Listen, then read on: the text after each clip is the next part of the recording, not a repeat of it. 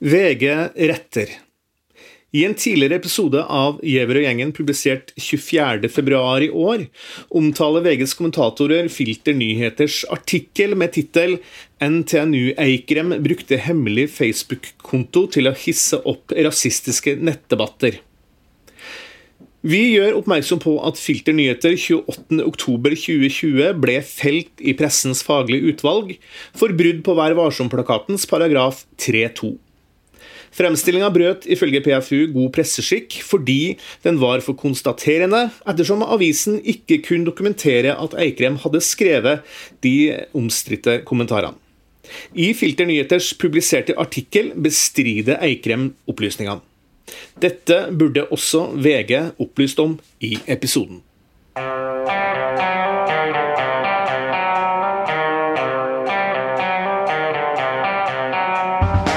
Tidligere Ap-leder, statsminister, utenriksminister, stortingspresident, Nobelkomitéleder og generalsekretær i Europarådet, Torbjørn Jagland, er altså ute med de første bindene da, i hans um, selvbiografi.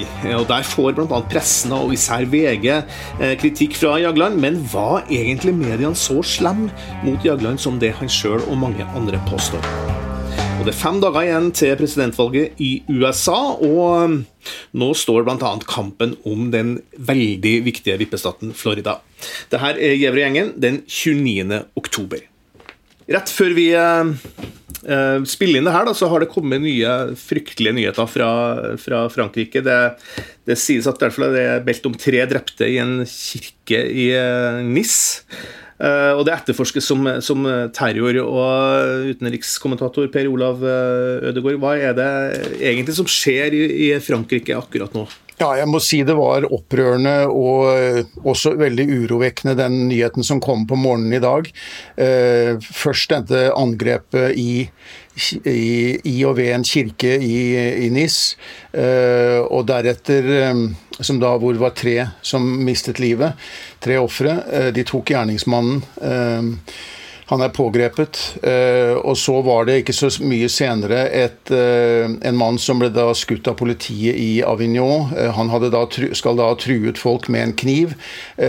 Og så kom det også melding om et angrep mot det franske konsulatet i Jeddah i Saudi-Arabia, eh, hvor en vakt ble, ble, såret. Eh, så dette er en eh, fryktelig opptrapping og en veldig urovekkende situasjon.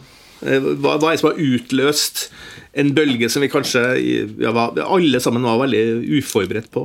Ja, Vi vet jo at Frankrike har vært veldig hardt rammet av eh, terror. Eh, av eh, radikale, voldelige islamister har utført terror i Frankrike tidligere. og Det, en, det var en situasjon for noen år siden hvor, var, hvor det var mange slike Vi husker disse store angrepene, bl.a. mot Eh, satiremagasinet Charlie Hebdo, men også mot eh, konserter, mot mot sivile i gatene, på restaurant osv. Det var mange slike situasjoner. mange, Og så har det vært så har vi trodd at kanskje at den perioden var over, men nå er det da kommet tilbake. Først skjedde jo da dette drapet på denne læreren for kort tid siden, som eh, jo eh, rystet både Frankrike og, og, og, alle andre.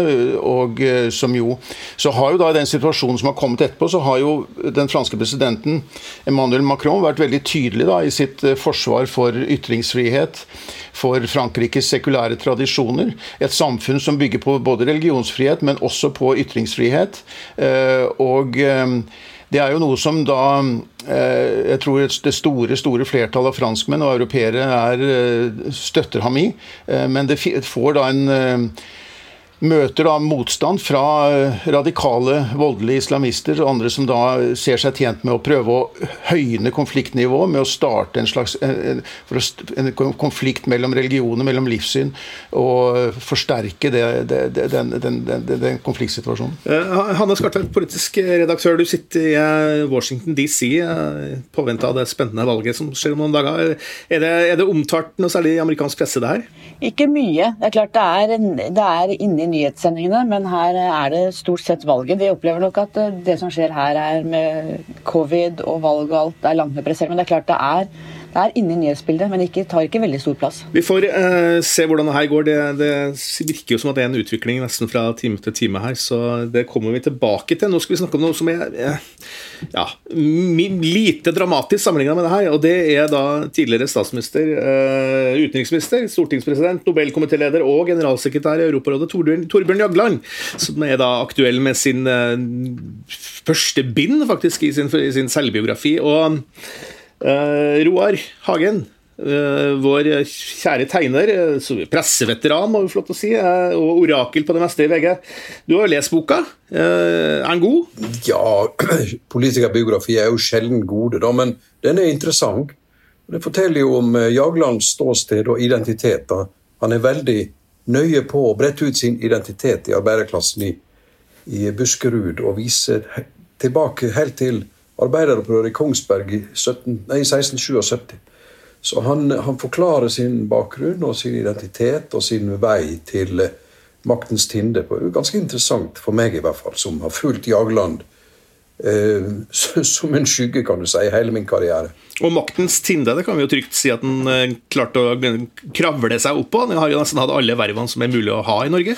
Ja, altså Bortsett fra konge, så har han jo besatt alle titler som vi er i stand til å tilby pluss en internasjonal toppstilling i Europarådet. Så det er jo imponerende. Men du jobba jo i VG i skal vi si, Jaglands heydays eh, også på slutten av 90-tallet, da, da, han ble statsminister. Da. og så skriver han jo i boka, altså, som har vært kjent flere ganger, at han kritiserer jo media for at vi var for slemme, blant annet også VG. Men, men, er det egentlig riktig det, at, vi, at, eh, vi, at, folk i pressen var så slemme med Jagland? Nei, altså Det første året, altså 90-tallet, da han kom ut i voksenlivet etter å ha vært i AUF, og sånn, så var han jo regna som en veldig moderat og, og visjonær politiker da, med, med, hovedvekt på internasjonalt samarbeid og slike ting. Så jeg kan ikke huske at vi hadde gode forventninger til Jagland. Han var løfterik. Og det var jo først med regjeringsdannelsen at det skar seg. da. Og for min del så fikk jeg jo en masse gratispoeng servert med Det norske hus og, og slike ting som som, som, var jo et stort høydepunkt i min karriere. Og jeg har jo uh, mye å takke Jagland for, for å si det slik. Uh, og, og, jeg sitter jo igjen nå med et, et egentlig godt inntrykk. Altså, han er jo et, et, et uh, skal vi si et visjonært og ærlig menneske på mange måter. Det er jo motsetningsfylt. Han er langt mer interessant enn de fleste. Men Roar, det var jo, det var jo sagt en gang for eksempel, at vår gamle sjef og kollega Olav Verstå sånn men, men, Olav var jo blant mange aviskommentatorer veldig sånn eh, Hadde forvent, store forventninger til Jagland, hadde han ikke det? Absolutt.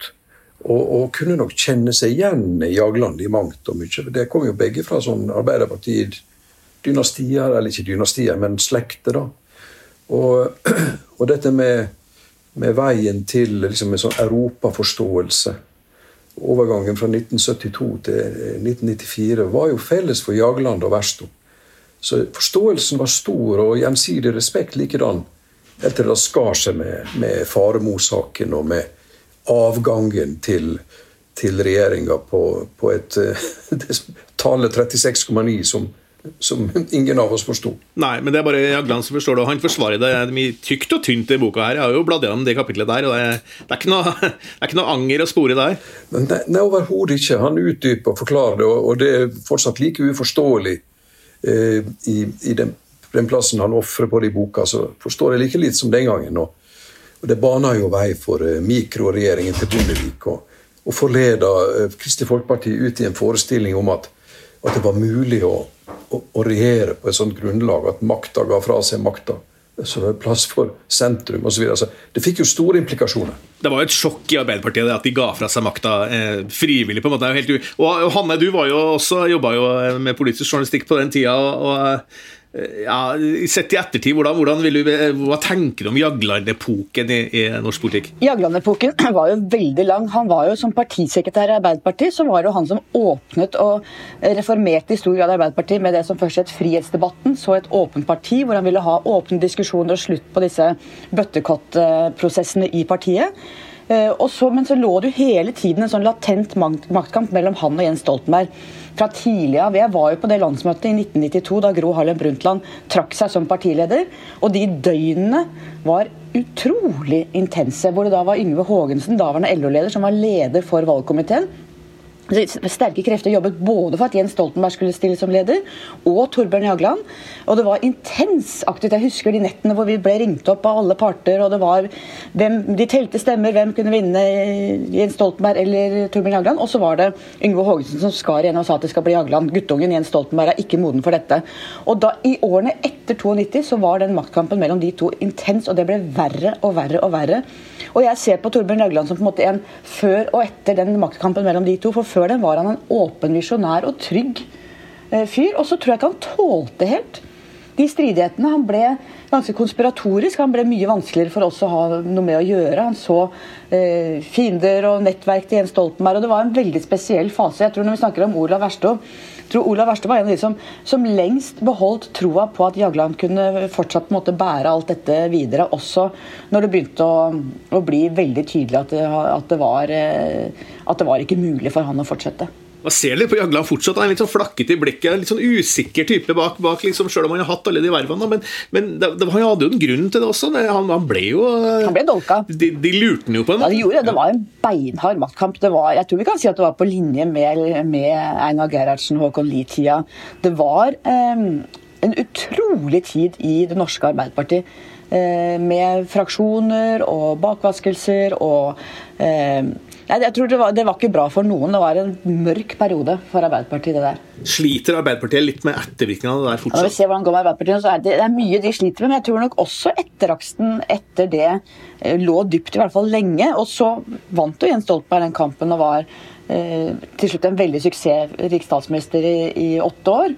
Men det jeg tror også er noe av det som er arven etter Jens Stoltenberg, var at han var jo ikke noe flink til å dyrke fram de nye unge. Han trakk jo inn Grete Faremo og Sigbjørn Johnsen og disse gamle folka i sin regjering, som gjorde at nå er det veldig langt mellom de unge, profilerte navnene i Arbeiderpartiet som folk kjenner igjen og kjenner seg trygge på. Hva, hva, hva egentlig, hvorfor var de så motstandere, Jens og, og Jagland? Det var klart det var jo en, en maktkamp, selvfølgelig. Begge ville være statsminister og leder, men, men eh, Roar, for eksempel, det, det står en del om i boka, det er en slags klassekonflikt der? er det det ikke det? Altså Mellom eh, arbeiderklassegutten Jagland og liksom den der Oslo-bohemen eh, Stoltenberg?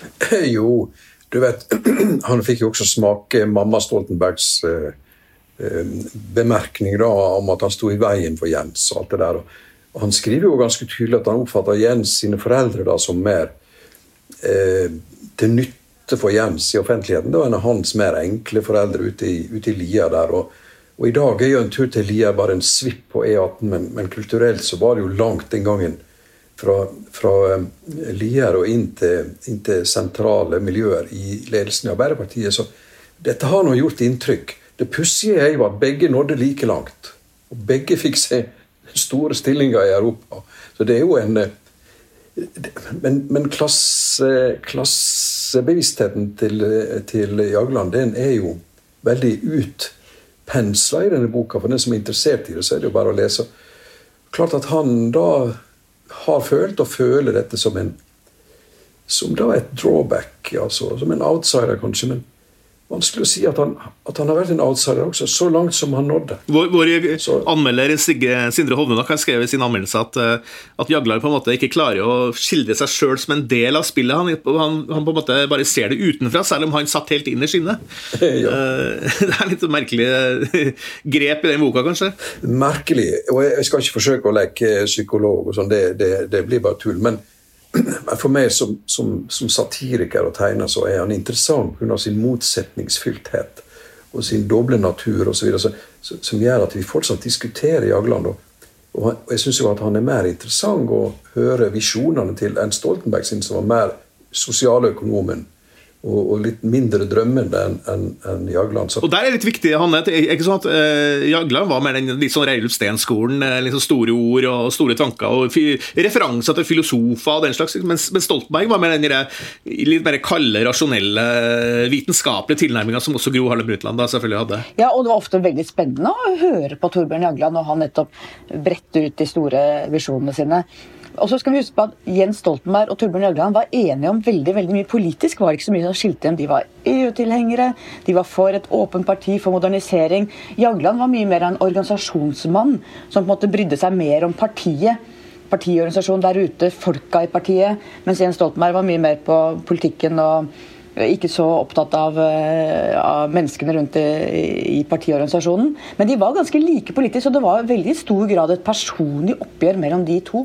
Eh, Roar, helt kort, du, du, Den saken du skal ha ut sannsynligvis nå i helga eller på mandag, sånn, du har skrevet også om, eh, om Jagland, så skriver du hvert fall Foreløpig så skriver at du beskriver da livet hans som, eh, som, en eventyrlig reise. da. Men hvorfor blir ikke Jagland, eller hvorfor ble ikke Jagland en av våre store politikere likevel? Selv om alle, vi hadde alle de vervene her. Det tror jeg har eh, enkelt og greit med det å gjøre at han ga fra seg makten, som han som på en helt mystisk måte og rota det til da han fikk regjeringsmakt. Og eh, Derfor så ble det ettermælet litt, litt skada av det. da. Så, men nå er det jo for tidlig å konkludere. Kanskje ettertida historikere vil gi han en annen plassering enn det vi klarer å se nå. Og, og, og, så, så, vi får se. Men, men det er ikke tvil om at, at det i hvert fall i, På dette tidspunktet, når vi ser tilbake, så var det det som var katastrofen. At han ga fra seg makta i maktpartiet, det norske Arbeiderpartiet, til mikroregjeringen til Bondevik. Det er ikke til å tro. Og mange av de gamle karene i Arbeiderpartiet, og damene for den del, de, de, de, de, fikk jo helt sjokk av den strategien, gjorde de ikke det? Jo, det, det skar henne.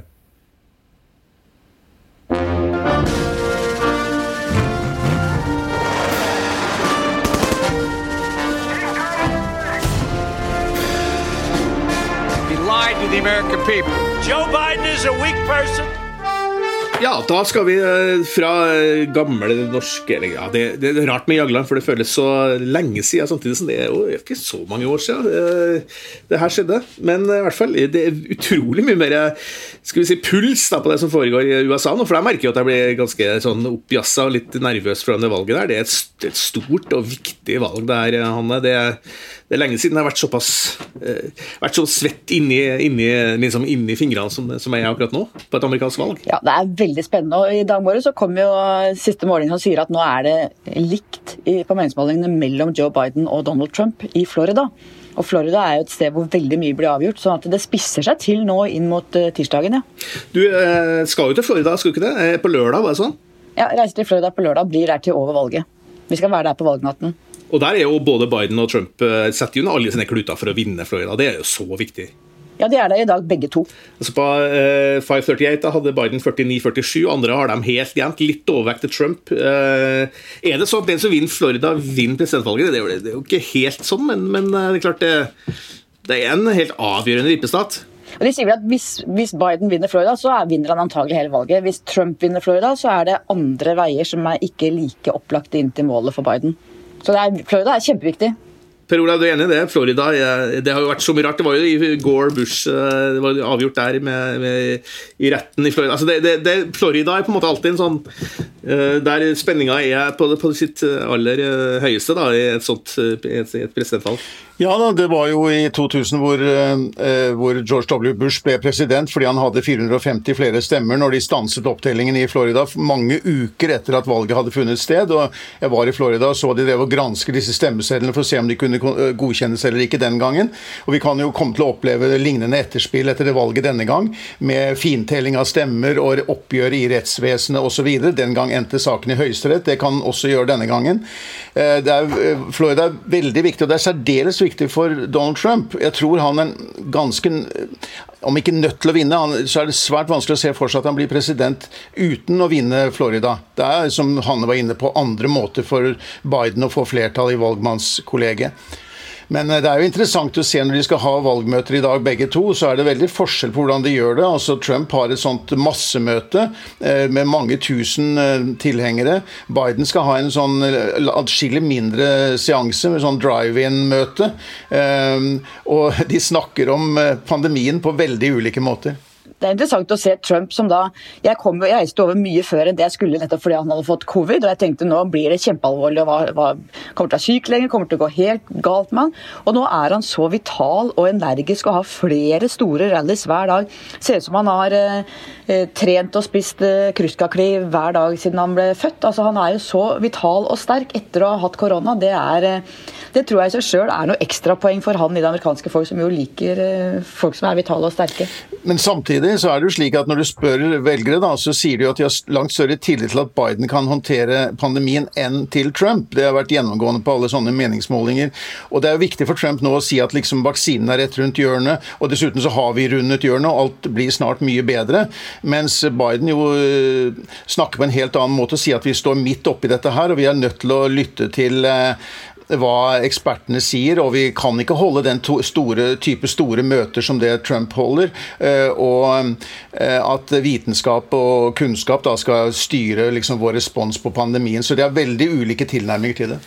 Du har jo eh, også begått en kommentar Hanne, som, som eh, skal snart ut på VG. Det, det, du, du, reflekterer over det amerikanske demokratiet, og du, du går vel så langt å si at det demokratiet, altså Amerika, USA som en gang var demokratiets fyrtårn, er en slags demokratisk krise nå, er det ikke det?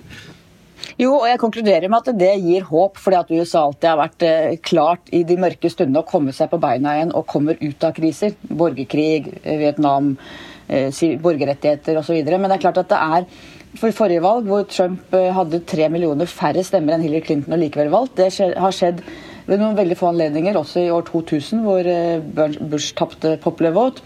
Men så er det også det faktum at man nå Det handler veldig mye om voter fraud. altså eh, hvor republikanske politikere, særlig f.eks. Texas, Florida og andre stater, legger mest mulig kjelker i veien for at folk skal kunne stemme.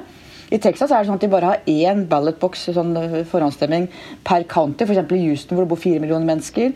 Det er, eh, det er, veldig mye som tyder på at, man, at særlig republikanerne er mer opptatt av å hindre folk eh, til å stemme enn faktisk å stemme. For at de vet at de som hindres mest når man legger sånne kjelker i veien for folk, er jo det er de unge velgerne, African Americans, eh, fattige. Så det er veldig mye som er ute av lage. Men jeg tror jo også at, det, at dette på et tidspunkt vil fikses. Jeg tror ikke at uh, dette er en evig krise. Men mener du at det her er helt bevisst at det er en for, for å ødelegge valgprosessen? Ja, det, det, mener i hvert fall veldig mange, særlig demokratene selvfølgelig, men også andre. Når du ser på eh, hvordan man da, nå, Særlig etter år 2000, hvor allting ble avgjort i rettssalen, så er det nå veldig mange rettssaker rundt omkring i ulike delstater. Hvor det er spørsmål om kan man telle stemmer som kommer inn senere. Hva skal til for å godta forhåndsstemmer, etterkantsstemmer. Eh, det var nylig nå en avgjørelse fra Pennsylvania hvor spørsmålet var kan du telle stemmer som kommer inn etter 3.11., men som er poststemplet før, som gikk helt til Høyesterett i runde nummer to.